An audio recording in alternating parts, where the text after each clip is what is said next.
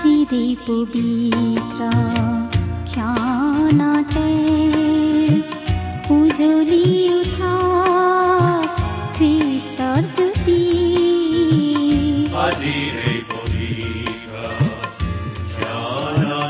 Bible অধ্যয়নৰ এই শিক্ষামূলক অনুষ্ঠান ভক্তি বচনলৈ আপোনাক ওলগ জনাইছো। তোমাৰ কাষলে আহিছো পিতা আজি মোক জিৰণি দিয়া তোমাৰ কৰোণা মাগিছো পিতা তুমি মোক কাবতি লোৱা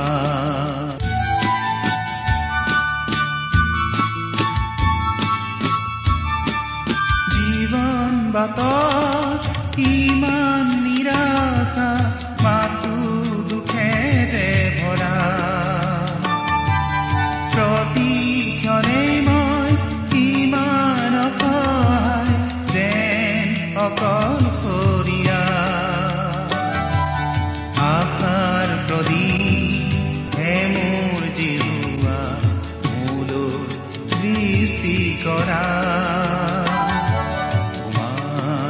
কাষলে আহিছো পিতা আজি মোক জিৰণি দিয়া। তোমাৰ কৰোণা মাগিছো পিতা তুমি মোক সাৱতি লোৱা।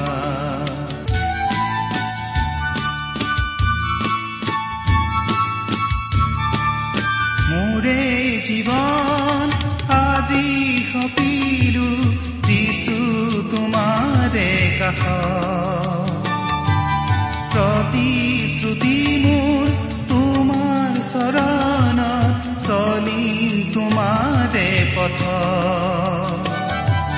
মাথো আজি তোমাৰ প্ৰেমেৰে জীৱন পূৰ্ণ কৰা তোমাৰ কাষলে আহিছো পিতা আজি মোক জিৰণি দিয়া। তোমাৰ কৰোণা মাগিছো পিতা তুমি মোক সাৱতি লোৱা আমাৰ মহান ত্ৰাণকৰ্তা প্ৰভু যীশুখ্ৰীষ্টৰ নামত নমস্কাৰ প্ৰিয় শ্ৰোতা। আশা কৰো মহান পিতা পৰমেশ্বৰৰ মহান অনুগ্ৰহত আপুনি ভালে কুশলে আছে।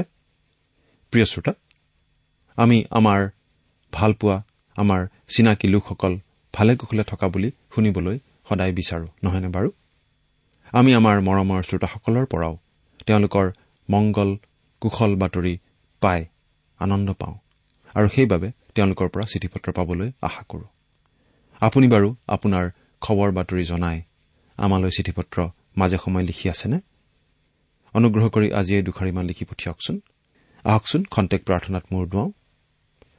স্বৰ্গত থকা অসীম দয়ালু কৰোণাময় পিতৃ ঈশ্বৰ তোমাৰ মহান নামৰ ধন্যবাদ কৰো। তোমাক ধন্যবাদ দিওঁ।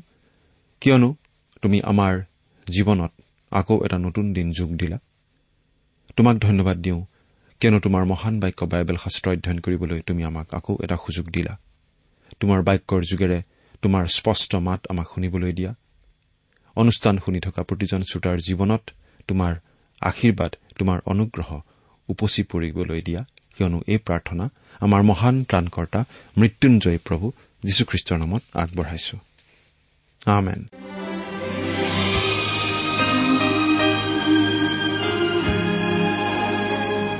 প্ৰিয় শ্ৰোতা যদিহে আপুনি আমাৰ এই ভক্তিবচন অনুষ্ঠানটো নিয়মিতভাৱে শুনি আছে তেনেহলে আপুনি নিশ্চয় এই কথা জানে যে আমি এতিয়া বাইবেলৰ নতুন নিয়ম খণ্ডৰ তিমঠিয়ৰ প্ৰতি প্ৰথম পত্ৰ নামৰ পুস্তকখন অধ্যয়ন কৰি আছো।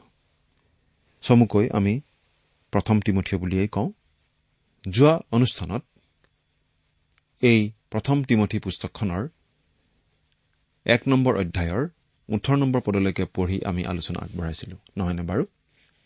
গতিকে আজিৰ অনুষ্ঠানত আমি এই প্ৰথম তিমঠি নামৰ পুস্তকখনৰ এক নম্বৰ অধ্যায়ৰ ঊনৈশ নম্বৰ পদৰ পৰা আমাৰ আলোচনা আগবঢ়াই নিব খুজিছো। এই প্ৰথম তিমঠি পুস্তকখন হৈছে এখন চিঠি। পাচনি পৌলে তেওঁৰ বিশ্বাসৰ পুত্ৰ তিমঠিয়লৈ এই চিঠিখন লিখিছিল। তিমঠিয়লৈ লিখা এইখন তেওঁৰ প্ৰথম চিঠি।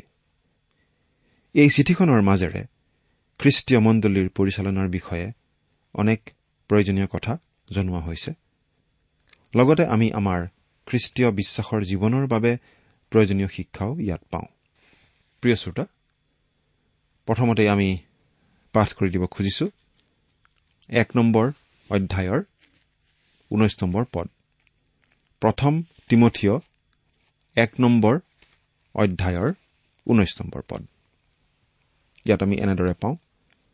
কোনো কোনোৱে সেই বিশ্বাস আৰু উত্তম বিবেক ত্যাগ কৰাত তেওঁবিলাকৰ বিশ্বাসৰূপ নৌকা ভগ্ন হল। খ্ৰীষ্টীয় বিশ্বাসী হিচাপে জীৱন ধাৰণ কৰাটো আচলতে সহজ আৰু সাধাৰণ কথা নহয়। ৰঙা লাইট জ্বলিলে ৰৈ যোৱা আৰু সেউজীয়া লাইট জ্বলিলে যোৱা। খ্ৰীষ্টীয় জীৱনটো তেনেকুৱা সহজ কথা নহয়। আমাৰ অতি জটিল ব্যক্তিত্ব। পৌলে কৈছে যে প্ৰকৃত বিপদ আহে আমাৰ মানৱীয় বিফলতা আৰু পৰিৱৰ্তনশীলতাৰ পৰা। আমি নিশ্চয় কোনো ঠাইত অকলশৰীয়াভাৱে জীৱন ধাৰণ নকৰো। বহুতো খ্ৰীষ্টীয় বিশ্বাসীয়ে কিন্তু তেনেকৈ জীৱন ধাৰণ কৰা বুলি ভাবি থাকে। যেন তেওঁলোক এই মাটিৰ পৰা ওপৰত মেঘৰ ওপৰতহে বাস কৰে।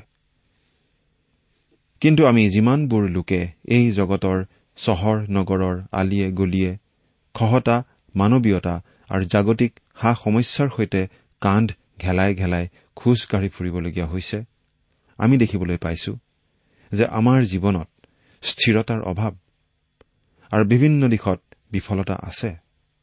আমাৰ বিশ্বাস সেই বিফলতাত খাপ খুৱাই লোৱাৰ ক্ষেত্ৰতেই আমি আচলতে আচল বিপদটোৰ সন্মুখীন হওঁ। এজন মানুহে মিছন ক্ষেত্ৰৰ পৰা উভতি আহি এটা সাধাৰণ ব্যৱসায় কৰিবলৈ ধৰিলে। তেওঁ কৈছিল প্ৰভুৱে মোক এই কাম কৰিবলৈকে আহান জনাইছে। তেওঁ মিছনেৰী হবলৈ প্ৰায় ন বছৰ প্ৰশিক্ষণ লৈছিল আৰু এতিয়া তেওঁ কৈ আছে যে প্ৰভুৱে তেওঁক এই কম গুৰুত্বপূৰ্ণ কামটো কৰিবলৈহে আহান জনাইছে। আচলতে মানুহজনে যাকেই লগ পায় তাকেই এই বুলি কয় যে প্ৰভুৱে তেওঁক সেই সাধাৰণ কামটো কৰিবলৈ উদগাইছিল। আমাৰ কিন্তু এনেকুৱাহে ভাৱ হয়। তেওঁ কিজানি তেওঁৰ মিছন ক্ষেত্ৰৰ বিফলতাৰ মাজতে তেওঁৰ বিশ্বাসৰ আপোচ কৰি পেলাইছে। এনেকুৱা বিপদ আমাৰ সকলোৰে থাকে।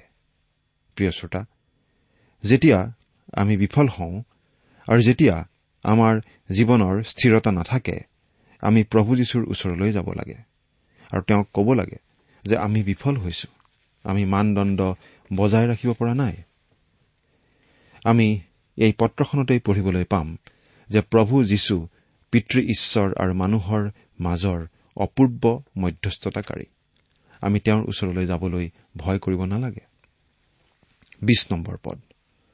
তেওঁবিলাকৰ মাজত হুমিনাই আৰু আলেকজাণ্ডাৰ। সেই দুজনে নিন্দা নকৰিবলৈ যেন শিকে এইকাৰণে মই তেওঁলোকক ছয়তানৰ হাতত সমৰ্পণ কৰিলো। হুমিনাই আৰু আলেকজেণ্ডাৰ। পৌলে সেই সময়ৰ বিশ্বাসৰ পৰা খহি পৰা দুজন ব্যক্তিৰ নাম ইয়াত উল্লেখ কৰিছে। তেওঁ এই দুজনৰ নাম আন ঠাইতো উল্লেখ কৰিছে। আৰু তেওঁলোক দুজনৰ বিষয়ে কবলৈ তেওঁৰ আচলতে একো ভাল কথা নাই। এঠাইত তেওঁ এই বুলিহে লিখিছে। দ্বিতীয় তিমঠিয় চাৰি অধ্যায় চৈধ্য নম্বৰ পদ। তেৰ নম্বৰ পদৰ পৰাই পঢ়িছো। তুমি আহোঁতে তাক আৰু পুস্তকবোৰ বিশেষকৈ ছালৰ পুস্তকবোৰ লৈ আহিবা। আলেকজেণ্ডাৰ কঁহাৰে মোৰ বহুত অপকাৰ কৰিলে। তেওঁৰ কৰ্ম অনুসাৰে প্ৰভুৱে তেওঁক প্ৰতিফল দিব। তেওঁলোকক ছয়তানৰ হাতত সোধাই দিয়া হৈছিল। তেওঁলোক বিফল হৈছিল। তেওঁলোক বিশ্বাসৰ পৰা খহি পৰিছিল। আৰু পৌলে এনেকুৱা এটা পৰিচৰ্যা কৰিছিল যিটো কেৱল এজন পাচনিয়েহে কৰিব পাৰে। তেওঁ কৈছে মই তেওঁলোকক ছয়তানৰ হাতত সোধাই দিলো। তাৰমানে আমি সামাজিকভাৱে বৰ্জন কৰা নাইবা মণ্ডলীৰ বাহিৰ কৰা কথা কোৱা হোৱা নাই। আচলতে এয়া পাচনি পৌলে পাচনি হিচাপে থকা তেওঁৰ বিশেষাধিকাৰ খটুৱাইছিল। তেওঁ সেই মানুহজনক ছয়তানৰ হাতত এৰি দিছিল। পাচনি পৌলে এনেকৈও লিখিছিল প্ৰথম কৰিন্থিয়া পাঁচ নম্বৰ অধ্যায়ৰ তিনিৰ পৰা পাঁচ নম্বৰ পদত। মই হলে শৰীৰেৰে অনুপস্থিত হলেও আত্মাৰে উপস্থিত হৈ উপস্থিত থকাৰ দৰে সেই কৰ্ম কৰাজনৰ বিষয়ে প্ৰচাৰ কৰি এই নিশ্চয় কৰিলো। আমাৰ প্ৰভু যীশুৰ নামেৰে তোমালোকে মোৰ আত্মাই সৈতে গোট খাই আমাৰ প্ৰভু যীশুৰ শক্তিৰে তেনেকুৱা মানুহক তেওঁৰ মাংসৰ বিনাশৰ অৰ্থে ছয়তানৰ হাতত সোধাই দিয়া উচিত যাতে প্ৰভু যীশুৰ দিনা তেওঁৰ আত্মাই পৰিত্ৰাণ পায়। এই বিশেষ কৰ্তৃত্ব পাচনীসকলৰ আছিল কিন্তু আজি আমাৰ নাই। আন কাৰোবাক ছয়তানৰ হাতত সোধাই দিয়াৰ কৰ্তৃত্ব আমাৰ নাই। পিতৰেও এই কৰ্তৃত্ব ব্যৱহাৰ কৰা আমি দেখিবলৈ পাওঁ। পাচনিৰ কৰ্ম পাঁচ নম্বৰ অধ্যায়ৰ একৰ পৰা এঘাৰ নম্বৰ পদত আমি এই বিশেষ ঘটনাটো দেখা পাওঁ। আমি সাত নম্বৰ পদৰ পৰাই পঢ়িছো।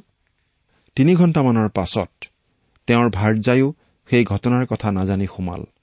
তাতে পিতৰে তেওঁক সুধিলে মোক কোৱাচোন তোমালোকে ইমান টকাতে মাটি বেচিলানে?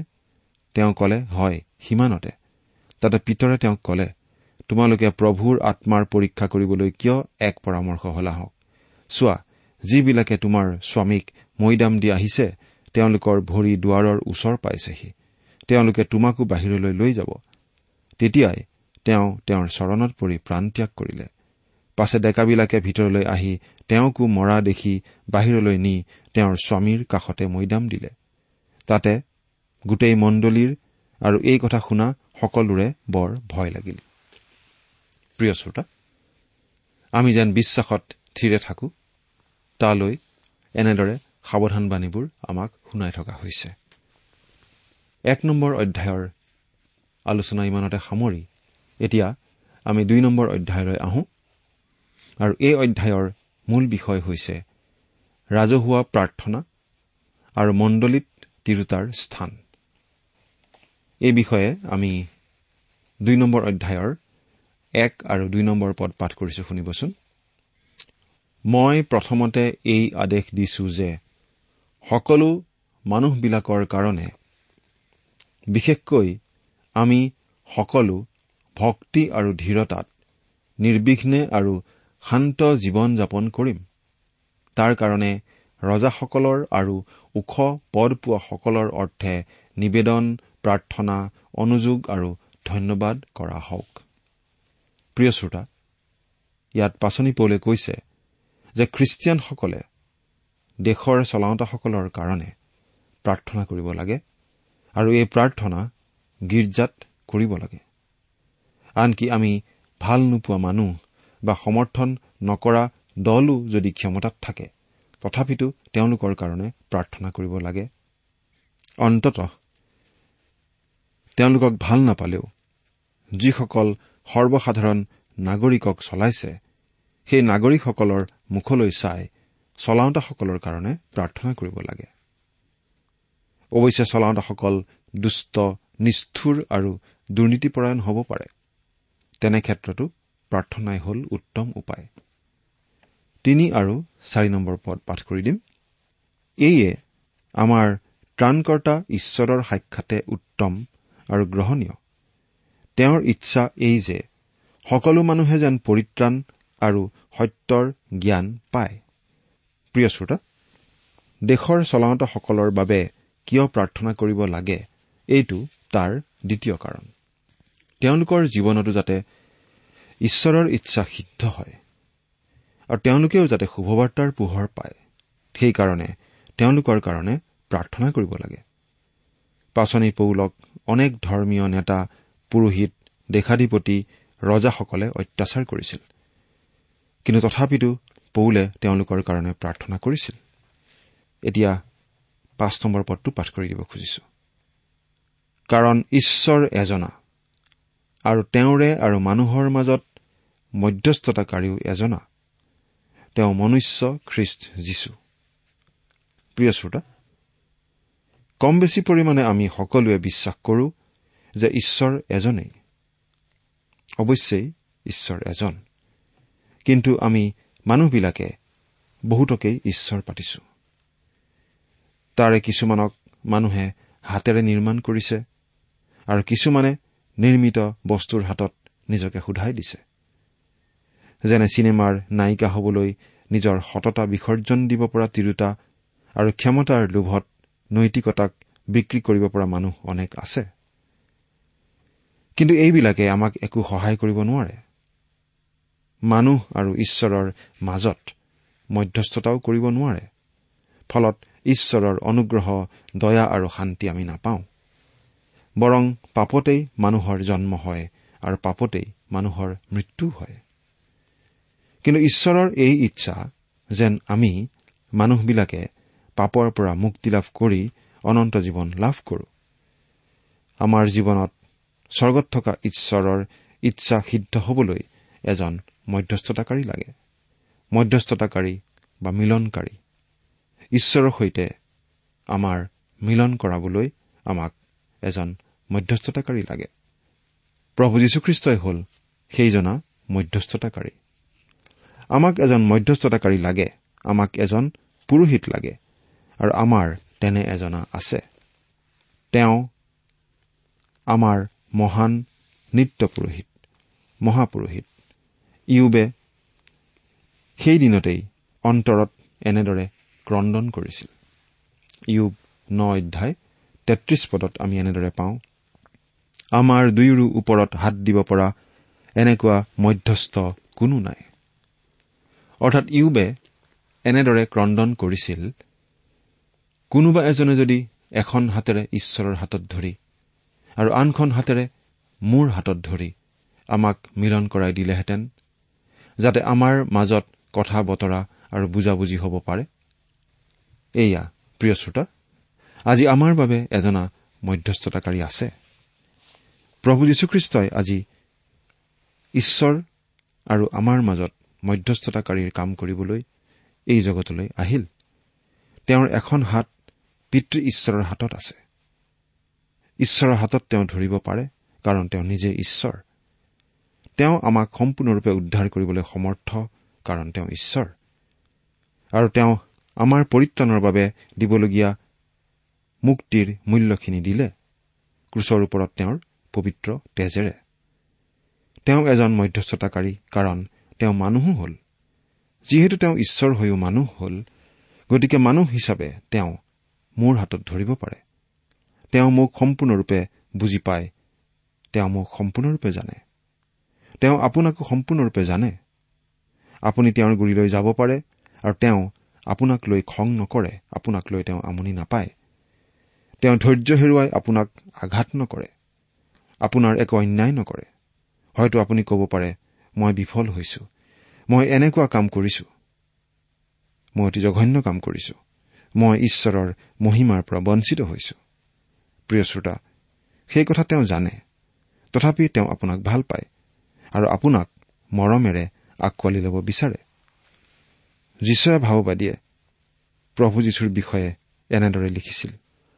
তেওঁবিলাকৰ আটাই দুখত তেওঁ দূষিত হৈছিল আৰু তেওঁৰ শ্ৰীমুখ স্বৰূপ দূতে তেওঁবিলাকক পৰিত্ৰাণ কৰিছিল। কিছুমান পণ্ডিতে কয় যে এই শাস্ত্ৰপদটোৰ অনুবাদ এনেকুৱাহে হ'ব লাগে। তেওঁলোকৰ সকলো দুখত তেওঁ দুখ পোৱা নাছিল। আমি যিটো অৰ্থই নকৰো কিয় দুয়োটা অৰ্থই কিন্তু অপূৰ্ব। হয়তো ঈশ্বৰে বিচাৰিছে আমি দুয়োটা অৰ্থ চোৱাটো। দুয়োটা অৰ্থই আমাৰ ভাল লাগে।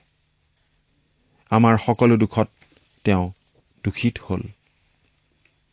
আমাৰ সকলো দুখত তেওঁ দূষিত নহল। ঈশ্বৰে ইছৰাইলীয়া লোকসকলৰ সৈতে অৰণ্যৰ মাজেৰে বাট দেখুৱাই গৈছিল। যেতিয়া তেওঁবিলাক বিফল হৈ কাদেশ বাৰ্ণেয়াত ঈশ্বৰৰ প্ৰতি অবাধ্যতা প্ৰদৰ্শন কৰিছিল তেতিয়া ঈশ্বৰে কোৱা নাছিল বাৰু তেনেহলে এতিয়া বিদায়হে। তোমালোক বিফল হলা। মোৰ লগত তোমালোকৰ সম্বন্ধ ইমানতেই শেষ। তোমালোকক লৈ মই আৰু নোৱাৰো। তোমালোক বৰ অবাধ্য জাতি। নাই ঈশ্বৰে তেনে কৰা নাছিল। ঈশ্বৰে তেওঁবিলাকৰ লগত তেনেদৰে চলাই গ'ল চল্লিছটা বছৰ। কিন্তু ঈশ্বৰ আগে আগে গৈছিল। আৰু ভৱিষ্যতৰ বিষয়লৈও ঈশ্বৰে চাইছিল। কাৰণ তেওঁলোকে প্ৰতিজ্ঞাৰ দেশত প্ৰৱেশ কৰাৰ পাছত কেনেদৰে জীৱন কটাব লাগিব সেই বিষয়ে নানান বিধি বিধান মুচিৰ যোগেদি ঈশ্বৰে দিছিল। কিন্তু তেওঁ তেওঁবিলাকৰ লগত ধৈৰ্যেৰে অপেক্ষা কৰিছিল। অৰণ্যৰ মাজত নানা দুখ কষ্টৰ মাজত। তেওঁ আমনি পোৱা নাছিল। তেওঁ হাত দাঙি দিয়া নাছিল। কিন্তু তেওঁবিলাকক ত্যাগ নকৰি তেওঁবিলাকৰ লগতেই ঈশ্বৰ আছিল। তেওঁ আমাৰ দুখত দূষিত নহল বা আমনি নাপালে। আমি যিসকল খ্ৰীষ্টীয় বিশ্বাসী লোক আছো আমি সকলোৱে ক'ব পাৰো যে আমাৰ লগতো তেওঁ এনেকুৱা ব্যৱহাৰেই কৰিছে। এনে এজন মধ্যস্থতাকাৰী থকাটো কি যে আনন্দৰ কথা? যিজনৰ যোগেদি আমি ঈশ্বৰলৈ যাব পাৰো আমি তেওঁৰ যোগেদিয়েই যোৱা ভাল কাৰণ আপুনি মোৰ ওচৰলৈ আহি আপোনাৰ সমস্যাৰ কথা কৈ নিশ্চয় লাভ নাই? আপোনাৰ প্ৰতি মোৰ সহানুভূতি নাজাগিবও পাৰে? আপোনাৰ সমস্যাৰ কথাটো মই ভালদৰে বুজি নাপাবও পাৰো? কিন্তু তেওঁ সহানুভূতিশীল। তেওঁ আমাৰ সমস্যা বুজি পায়। তেওঁ সম্পূৰ্ণ মানৱীয় অনুভূতি বুজি পায়। তেওঁ আমাৰ প্ৰত্যেকৰ মনৰ ভাৱ বুজি পায়। তেওঁ মধ্যস্থতাকাৰী। তেওঁ তেওঁৰ হাত মোৰ হাতত দিছে। মই মোৰ হাতেৰে তেওঁৰ হাতত ধৰা নাই। তেওঁহে তেওঁৰ হাতেৰে মোৰ হাতত ধৰিছে। আৰু সেইটোৱেই অতি আচৰিত আৰু অতি আনন্দৰ বিষয়। প্ৰিয় শ্ৰোতা প্ৰভু যীশু এই পৃথিৱীলৈ আহিল মানৱ ৰূপেৰে। এই পৃথিৱীলৈ আহিল যাতে তেওঁ আমাৰ নিচিনা এজন হ'ব পাৰে। মানুহৰ ৰূপ তেওঁ ধাৰণ কৰিলে যাতে তেওঁ মানুহৰ জ্ঞাতি হিচাপে মানুহৰ মাজৰে এজন হিচাপে মানুহক প্ৰতিনিধিত্ব কৰিব পাৰে পিতৃ ঈশ্বৰৰ আগত। তেওঁ মানুহৰ ৰূপ ধাৰণ কৰি জন্মগ্ৰহণ কৰিলে যাতে তেওঁ মানুহৰ হাতত ধৰি সেই হাত ঈশ্বৰৰ হাতত লগাই দিব পাৰে। যাতে মানুহৰ প্ৰতিনিধিত্ব কৰি তেওঁ মানুহক ঈশ্বৰৰ সৈতে মিলন কৰাব পাৰে। প্ৰিয় শ্ৰোতা প্ৰভু যীশু এই পৃথিৱীলৈ আহিল আৰু তেওঁৰ হাতেৰে মোৰ হাতত ধৰিলে। তেওঁ এই পৃথিৱীলৈ আহিল। তেওঁ মোৰ আপোনাৰ গোটেই মানৱ জাতিৰ সকলো পাপৰ প্ৰায়চিত্ৰ কৰিবলৈ নিজৰ শৰীৰ ক্ৰুচত গজালবিদ্ধ হবলৈ দিলে। তেওঁৰ পবিত্ৰ তেজ বোৱালে যাতে আপোনাৰ মোৰ গোটেই মানৱ জাতিৰ সকলো পাপৰ প্ৰায়চিত্ৰ হ'ব পাৰে। কি যে অপূৰ্ব কি যে মহান সেই ত্ৰাণকৰ্তা প্ৰভু যীশু। প্ৰিয় শ্ৰোতা তেওঁ পৃথিৱীলৈ আহিল আৰু তেওঁৰ হাতেৰে মোৰ হাতত ধৰিলে। কিন্তু প্ৰভু যীশুৱে ঈশ্বৰৰ হাততো ধৰি আছে। এই কথাটো আমি জনা উচিত। তেওঁ ঈশ্বৰৰ হাতত ধৰি আছে। ধৰিব পাৰে। সেই অধিকাৰ তেওঁৰ আছে। আপুনি আৰু মই ঈশ্বৰৰ হাতত ধৰাটো দূৰৰ কথা। আমি ঈশ্বৰৰ আগত থিয় হৈ তেওঁৰ মুখলৈ মূৰ তুলি চোৱাৰো যোগ্য নহওঁ কাৰণ আমি স্বভাৱতেই পাপী। কিন্তু তেওঁ ঈশ্বৰৰ হাতত ধৰিব পাৰে আৰু ধৰি আছে কাৰণ তেওঁ নিজে ঈশ্বৰ। তেওঁ ঈশ্বৰৰ হাতত ধৰিছে আৰু মোৰ হাততো ধৰিছে। আৰু ঈশ্বৰৰ সৈতে মোৰ মিলন কৰালে। তেওঁত বিশ্বাস কৰা প্ৰতিজন লোকৰ হাতত ধৰি তেওঁ ঈশ্বৰৰ সৈতে মিলন কৰায়। ঈশ্বৰৰ সৈতে মিল হোৱাৰ এইটোৱেই একমাত্ৰ উপায়। ঈশ্বৰ আৰু মানুহৰ মাজৰ মধ্যস্থতাকাৰী একমাত্ৰ প্ৰভু যীশুহে। দ্বিতীয়জন ব্যক্তি নাই যিজন ঈশ্বৰ হৈও মানুহ। যিজনে মানুহ আৰু ঈশ্বৰ উভয়ৰে হাতত ধৰি হাতত হাত মিলাই মিলন কৰাব পাৰে। সেইবাবেই কোৱা হৈছে ঈশ্বৰ এজনা আৰু মানুহ আৰু ঈশ্বৰৰ মাজৰ মধ্যস্থতাকাৰীও এজনা তেওঁ খ্ৰীষ্ট যীশু বাইবেলত আমাক স্পষ্টভাৱে জনাই দিছে ঈশ্বৰলৈ যোৱাৰ বাটটো কি? আমাক কোৱা হৈছে ঈশ্বৰৰ সৈতে মিলন হোৱাৰ একমাত্ৰ উপায় কি?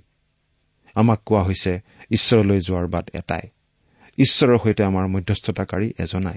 একমাত্ৰ তেওঁই আমাক মিলন কৰাব পাৰে ঈশ্বৰে সৈতে। তেওঁ আমাক ঈশ্বৰৰ সৈতে মিলন কৰাব পাৰে কাৰণ তেওঁ নিজেও ঈশ্বৰ আৰু নিজে মানুহো। তেওঁ মানৱৰূপী ঈশ্বৰ। সেই মানৱৰূপী ঈশ্বৰ প্ৰভু যীশুখ্ৰীষ্টত আপুনি আপোনাৰ জীৱন গতাই দিছেনে? চিন্তা কৰি চাওকচোন। ঈশ্বৰে আপোনাক আশীৰ্বাদ কৰক। আহমেদ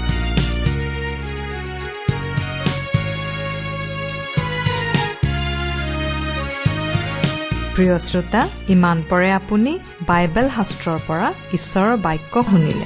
এই বিষয়ে আপোনাৰ মতামত জানিবলৈ পালে আমি নথৈ আনন্দিত হ'ম। আমি প্ৰস্তুত কৰা বাইবেল অধ্যয়নৰ চিডিসমূহ পাব বিচাৰিলে আৰু অনুষ্ঠানত প্ৰচাৰ কৰা কোনো কথা বুজিব লগা থাকিলেও আমালৈ লিখক।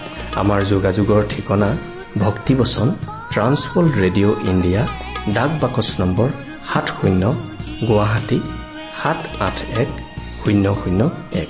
ঠিকনাটো আকৌ এবাৰ কৈছো ভক্তিবচন ট্ৰান্সৱৰ্ল্ড ৰেডিঅ' ইণ্ডিয়া ডাক বাকচ নম্বৰ সাত শূন্য গুৱাহাটী সাত আঠ এক শূন্য শূন্য এক।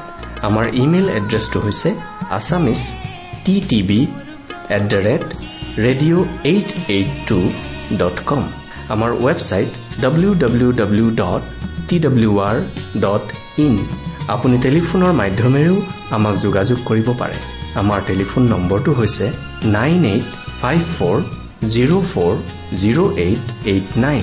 Phone নম্বৰটো আকৌ এবাৰ কৈছো ন আঠ পাঁচ চাৰি শূন্য চাৰি শূন্য আঠ আঠ ন।